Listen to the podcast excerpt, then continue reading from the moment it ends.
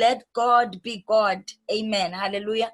Let God be God. This is what I'm speaking about namhlanje uh, that we should allow God to be God empilweni zethu. We should allow uh, uNkulunkulu ukuthi ayidlale irole yakhe yobuNkulunkulu in our lives. Amen. Hallelujah. Uh, now what does this mean? Hallelujah it means we need to focus tina on what is our part and allow god as well ukuthi ayidlale indima yakhe empilweni yethu. Amen. You know as as abantu besifazane we go through so much you know. Uh, i know ukuthi part of that is due to the fact that uh, we are very emotional beings. Well um, most most cases than not. Amen. We we are very emotional.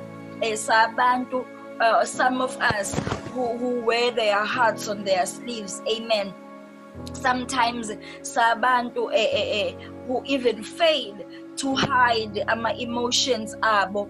Amen. Sometimes noma ungangawakhuluma but uthola ukuthi ayavela through your actions through your attitude yabona? Through the people that you choose to hang around with you know? Uh, through the crowd that you choose to walk with even in church. Amen.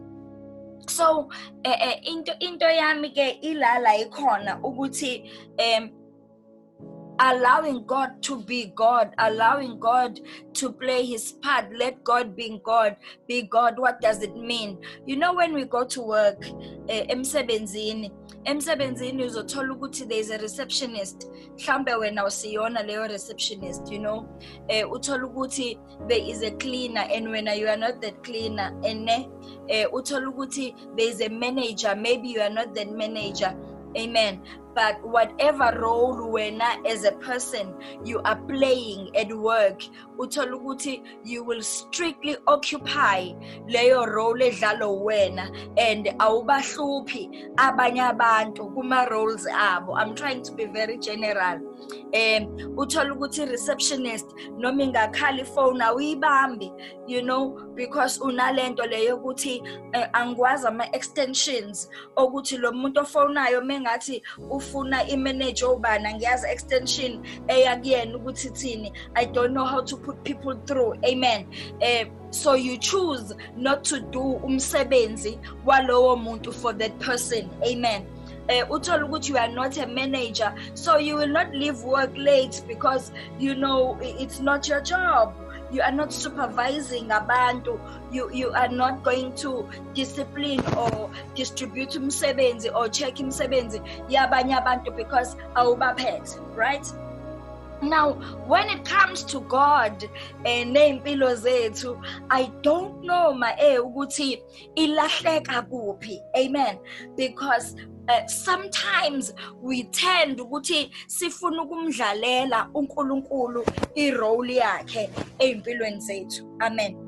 Uthola ukuthi uh, you are the one who has the questions. And very quickly futhi uwena futhi osuphendula lembuzo kade unayo uwena oshoqala uNkulunkulu ngeke aze awuphendule lo mthandazo wami. Uwena oshoqala ukuthi uNkulunkulu ukhathele. Uwena oshoqala ukuthi uNkulunkulu ngeke ayixolele into enjena. Uwena oshoqala you know yonke into uwena oyiphendula kuqala because uh, you want to put yourself lapha yana uNkulunkulu engakafiki. uNkulunkulu akakayivezi.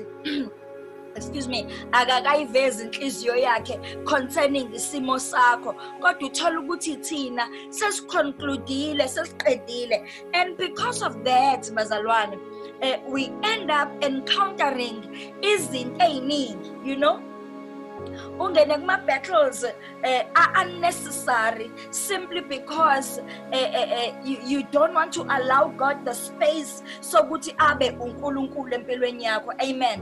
Umuzwa omunye umuntu ethi ngiyamazi uNkulunkulu ukuthi uyawuza umphendulo umthandazo futhi uyawuphendula. Kodwa you know the moment ufaka ukodwa kunoma yini into oyikhulumayo usuqala indaba entsha. Amen. Haleluya ufane nomuntu othi I know God says eh asize noma izono zethu zibomvu njengegazi kodwa yabo mina lesi sengisenzile already lowo muntu usedecide ukuthi esakhe isono ngeke size sixoleleke. Amen. So uthola ukuthi lo muntu ungena endaweni kaNkuluNkulu for uNkulunkulu ahambe kwi-condemnation. Impilo yakhe yonke uthola ukuthi you are experiencing i-resentment ugcina usuzonda abantu ugcina ungasenawo ama-relationships are-right with your fellow brethren at church. Ugcina usunabantu ongabaphiwe kanti ushawa isazela sokuthi unesono esingaxolelwe. Hayi ngoba uNkulunkulu engasixolele kodwa ngoba wena udecide ukuthi ezonweni zonke uNkulunkulu angayixolela hayi lesi sakho. Amen. So uthola ukuthi ke nawo you end up living a life uh, that is limited. You end up living a life uh, that doesn't truly portray amandla kaNkuluNkulu empilweni yakho. Amen. Uthola ukuthi uh, ugcina ungasa ubufakazi bempilo yakho bugcine bungasashintshi ngenxa yokuthi asimvumeli uNkulunkulu ukuthi adlale indaba indawo yakhe ngendlela afuna ukuyidlala ngayo. I know bazalwane ukuthi sometimes it seems as if eh, izinto noma sesikhulekele uNkulunkulu takes forever ukuthi ene abuyele kuthina an answer amen. But you know how god works. God works through faith. Amen. So kunoma ngabe yini esikhulekelayo kunoma ngabe yini ngishilo last week and the previous weeks ukuthi prayer requires faith amen so when we pray we pray because it's an act of faith. We are praying because sithi wena nkulunkulu wazi eh eh uqala futhi wena nkulunkulu you are able ukuthi eh, uthi come with a solution kulento le engibhekene nayo. Amen. But kukona konke lokho. Uthola ukuthi noma sesithandazile we don't allow god the space or the time needed ukuthi kuvele impendulo concerning i-issue wena osukubhekene nayo. Alibonge igama likajesu. Haleluya so agcine uNkulunkulu noma ewuNkulunkulu ofanele udumo ofanele izibongo amen. owuNkulunkulu onqobile. owuNkulunkulu umnini mandla onke. ewuNkulunkulu osindisa impilo zethu. Uthola ukuthi sisindile maqondana nesono kodwa sisindile maqondana nezifo ngoba we are not allowing God ukuthi abe uNkulunkulu who heals ukuthi abe uNkulunkulu ongenelelayo. Amen. Simthandaze uNkulunkulu oyidwala lethu ehlane kodwa mhla sihamba kahlonga sibi singamvumeli. Ukuthi ayivule indlela. Amen. Leyo nto uyibonaphi uyibona the time kwenzeka izinto indlela okhuluma ngayo your language your manner the way that you in you interact nabantu ngenxa yokuthi udlule esimweni esithile. Amen. Uthola ukuthi ikhuluma far more than indumiso oyenzayo uma ngabe ususenkonzweni phakathi kwabazalwane. Hallelujah. Now because of that uthola ukuthi uNkulunkulu akasaveli. Amandla kaNkulunkulu awasaveli awasabonakala empilweni yakho. Amen. Ngoba already wena unezinto oyibuke wathi these things azisoze zalunga azisoze zayandawo namhlanje ngizothi let God be God. Amen. Wena iba umntwana uNkulunkulu abe umzali. Wena iba umntwana uNkulunkulu abe ilo uNkulunkulu owazi izinto zonke. Alibonke igama lenkosi. Lithi iBhayibheli ayikho into efihlakele. kuNkulunkulu wethu. Amen. Esezulwini lakhe sisemhlabeni.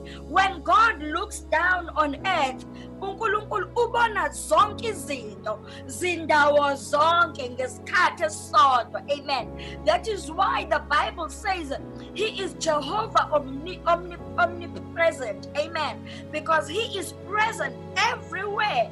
At the same time he is able to be there. He is able to be at the point of need yabongiwe he is able at the point of need kamamgumede is able at the point of need yami at the same time he is able to be unkulunkulu okwazi ukuthinta izimo zethu at the same time let God be God. He is the creator of the universe. He created the heavens and the earth.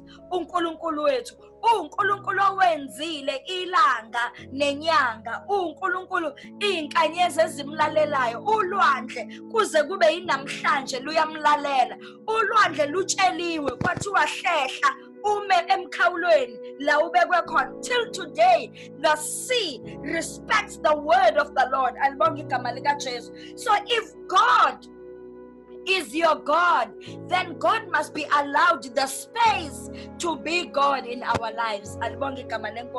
Hallelujah. He is a father of all mankind. It depends, bazalwane, ukuthi wena uNkulunkulu understanda as what umbona as ntoni empilweni yakho. Amen. When you read the book of Psalms 145, Amen. Verse 9, hallelujah. Listen, the Lord is good to all. He has compassion on all he has made. Amen. Which means he is a God of all mankind. He has compassion on everything that he has made. God has compassion on every person. Amen. Wena uqobo lwakho nje uNkulunkulu has compassion ngempilo yakho. Asikho isimo ozodlula kusona athi uNkulunkulu you know what? Akayiphumele kulento yakhe. Ngoba ngisho sometimes sizifake thina when we go to God and repent uNkulunkulu uyakwazi ukubuya azongenelela kuleso simo leso esisuke thina sesifake kusona. Amen. Into nje ehluphayo eh, eh, eh, I mean with our nature as abantu ingqondo. Amen. Sihlushwa ingqondo because our minds wants to participate to participate in everything that we do even things that our mind does not need to be active kuko. Amen. There are things ekufanele siyikhiphe ingqondo yethu kuzona and allow uNkulunkulu ukuthi abe uNkulunkulu phezukwazo lezo zinto lezo. Amen. Hallelujah. Now yonke leyo nto ukuze yenzeke kahle it it requires us to understand or rather to know ukuthi uNkulunkulu ungubani. I i did just a few notes here ukuthi sichaza uNkulunkulu ukuthi ungubani. When we say let God be God what am what am I saying? What is God saying this evening? Uma ngabe thi let us allow him to be who he is. Uma ngabe thuma uMoses eGibhithe uthi uthi uMoses mebe ngibuza ukuthi ngithunywa ba mebe ngibuza ukuthi nguba uthi uNkulunkulu tell them ukuthi I am who I am. Amen. Hallelujah. So God is who he is. Hallelujah. He is that he is we cannot change him amen the first one i want to go to is that god is Je- is Jehovah El Elyon, amen. The God most high, amen. He's Jehovah Elyon, El Elyon. He is the God most high. Gamanyamazwe, he is supreme. He, he resides on the highest point of anything created or not created, space in between, whatever your mind can imagine, cannot be above God because yena he is God most high. uNkulunkulu ophakeme phezu kwezinto zonke. Alibonke igama lika Jesu. So if God is God most high, ephakeme upon everything that is created on earth kusho ukuthi asikho isimo angasiboni amen kusho ukuthi ayikho into angakwazi ukuyibona and intervene kuyo because he is God most high. Not only God most high in terms of a level of supremacy amen but he is God most high even in solutions amen. He is God most high uh, in position. uNkulunkulu he is God most high in everything that we are doing bazalwane. Haleluya kwifamily yakho emshadweni wakho kubantwana bakho kunoma ngabe yini ebizwa ngegama lakhe emsebenzini owenzayo. He is God most high. When things are no longer happening at work allow God to be God. Alibonke igama likajesu. Mvumele unkulunkulu abe unkulunkulu empilweni yakho. Amen. He is el shaddai god almighty. Haleluya he is an almighty god. Noma ngabe kuthiwa abekhona amanye ama-altari akhona emhlabeni. Noma ngabe kuthiwa bekhona amanye ama-altari abekiwe emhlabeni. Kodwa leli unkulunkulu wethu he is almighty. Hallelujah. All powerful amen. Unkulunkulu umnini mandla onke. Alibonga igama lenkosi. Okay i'm rushing through because of my time. Amen. Ubese lithi ibhayibheli he is jehovah rapha meaning he is god who heals. Hallelujah. He heals our bodies. He heals our our, our sicknesses. Amen. Hallelujah. Kunomhlabeleli engikuthanda ukuthi uphi umhlobo njengojesu ophilisa ngisho izifo zethu Amen. Even the word says that He's Jehovah Rapha. He heals. He's a God who heals.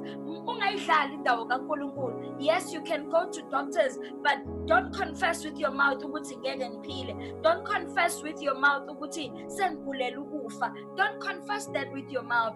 God is a God who intervenes. Amen. He intervened in the moment uh, uh, uh, yophelelwa ithemba u-Israel when he was facing ulwandle olubomvu and then god intervened when we call on him he hears us and he responds alibonga igama likajesu hallelujah he is Jehovah Shammah, meaning He is God who is there. He is the Lord that is there. Hallelujah. He is there. What does that mean? It means Ukon.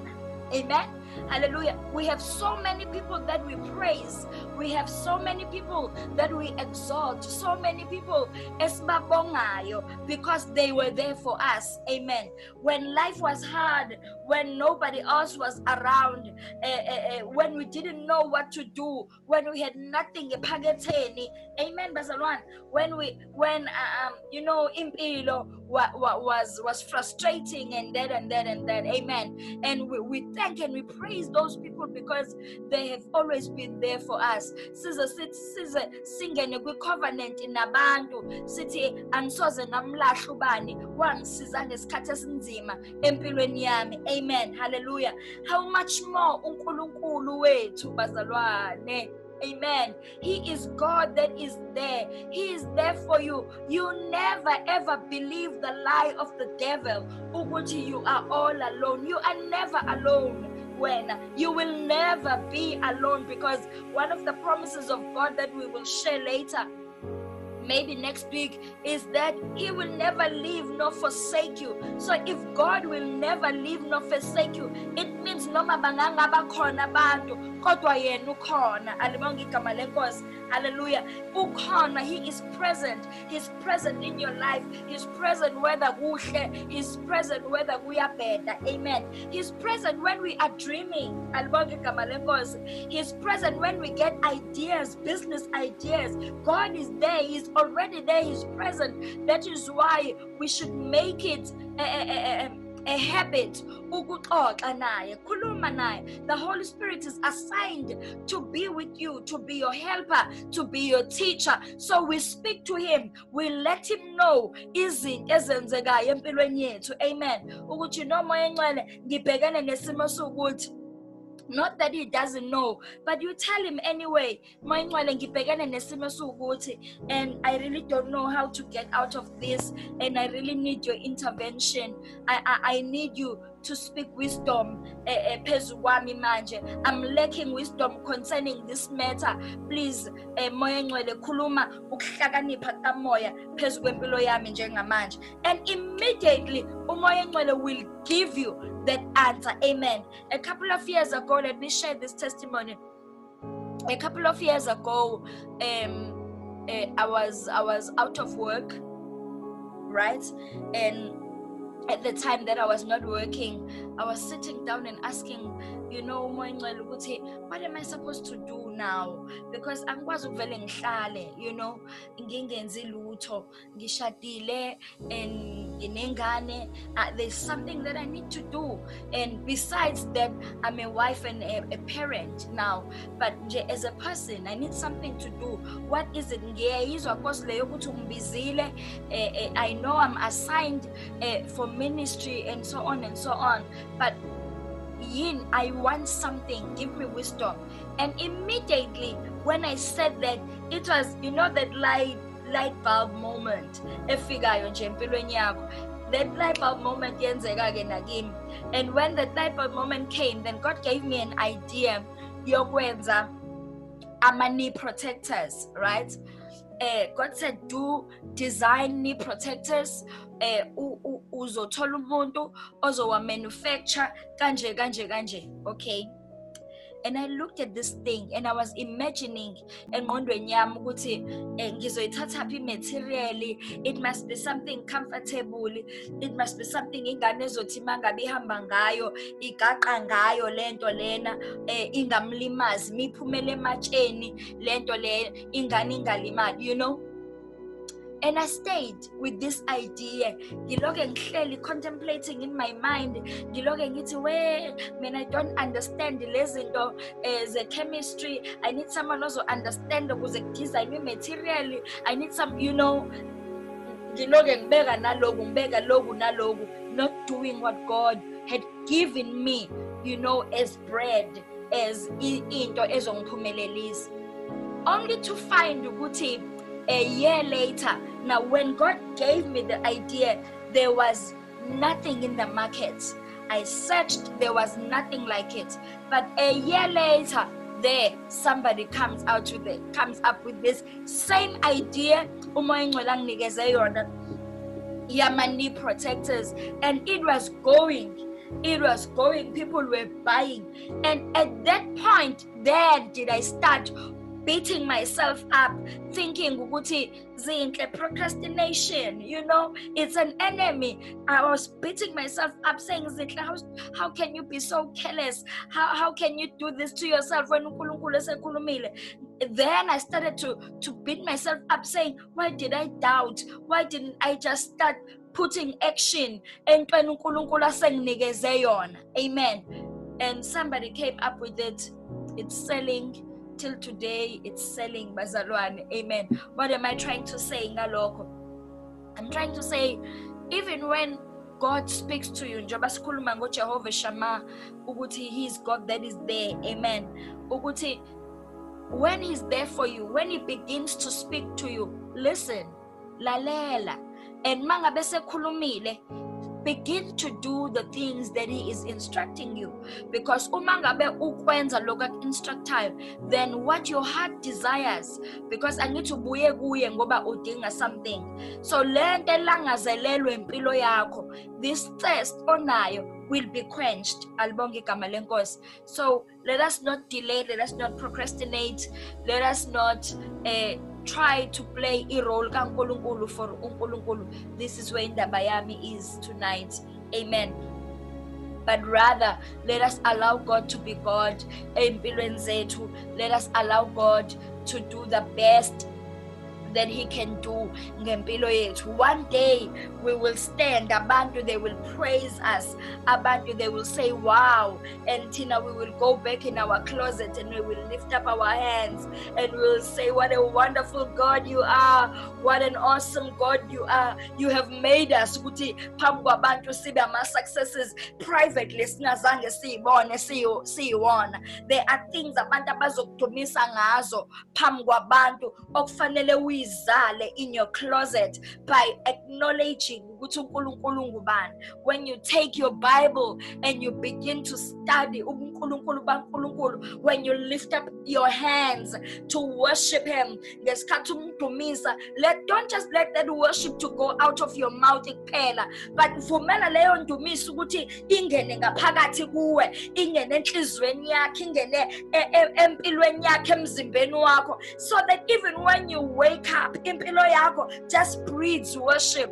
Impilo yakho just breathes ubukhulu bukaNkulunkulu. Noma ngabe kuthiwa uhlangana nani noma ngabe kuthiwa isimo singakanani noma kuthiwa intaba engakanani you allow God to be god kuleyo ntaba leyo. Alibonga igama lenkosi. Hallelujah. So we go to god we go to god and when we celebrate we celebrate because we have allowed the lord to be who he is. Alibonga igama lenkosi. Let us pray bazalwane. We have two minutes left. Hallelujah. Father we thank you this evening we thank you father for the grace. uNkulunkulu wethu ongcwele yokuthi namhlanje sikwazi uku-acknowledge ubunkulunkulu bakho. Sikwazi moya ngcwele to allow you ukuthi udlale irole efanele wena empilweni yethu and for us to play our own roles.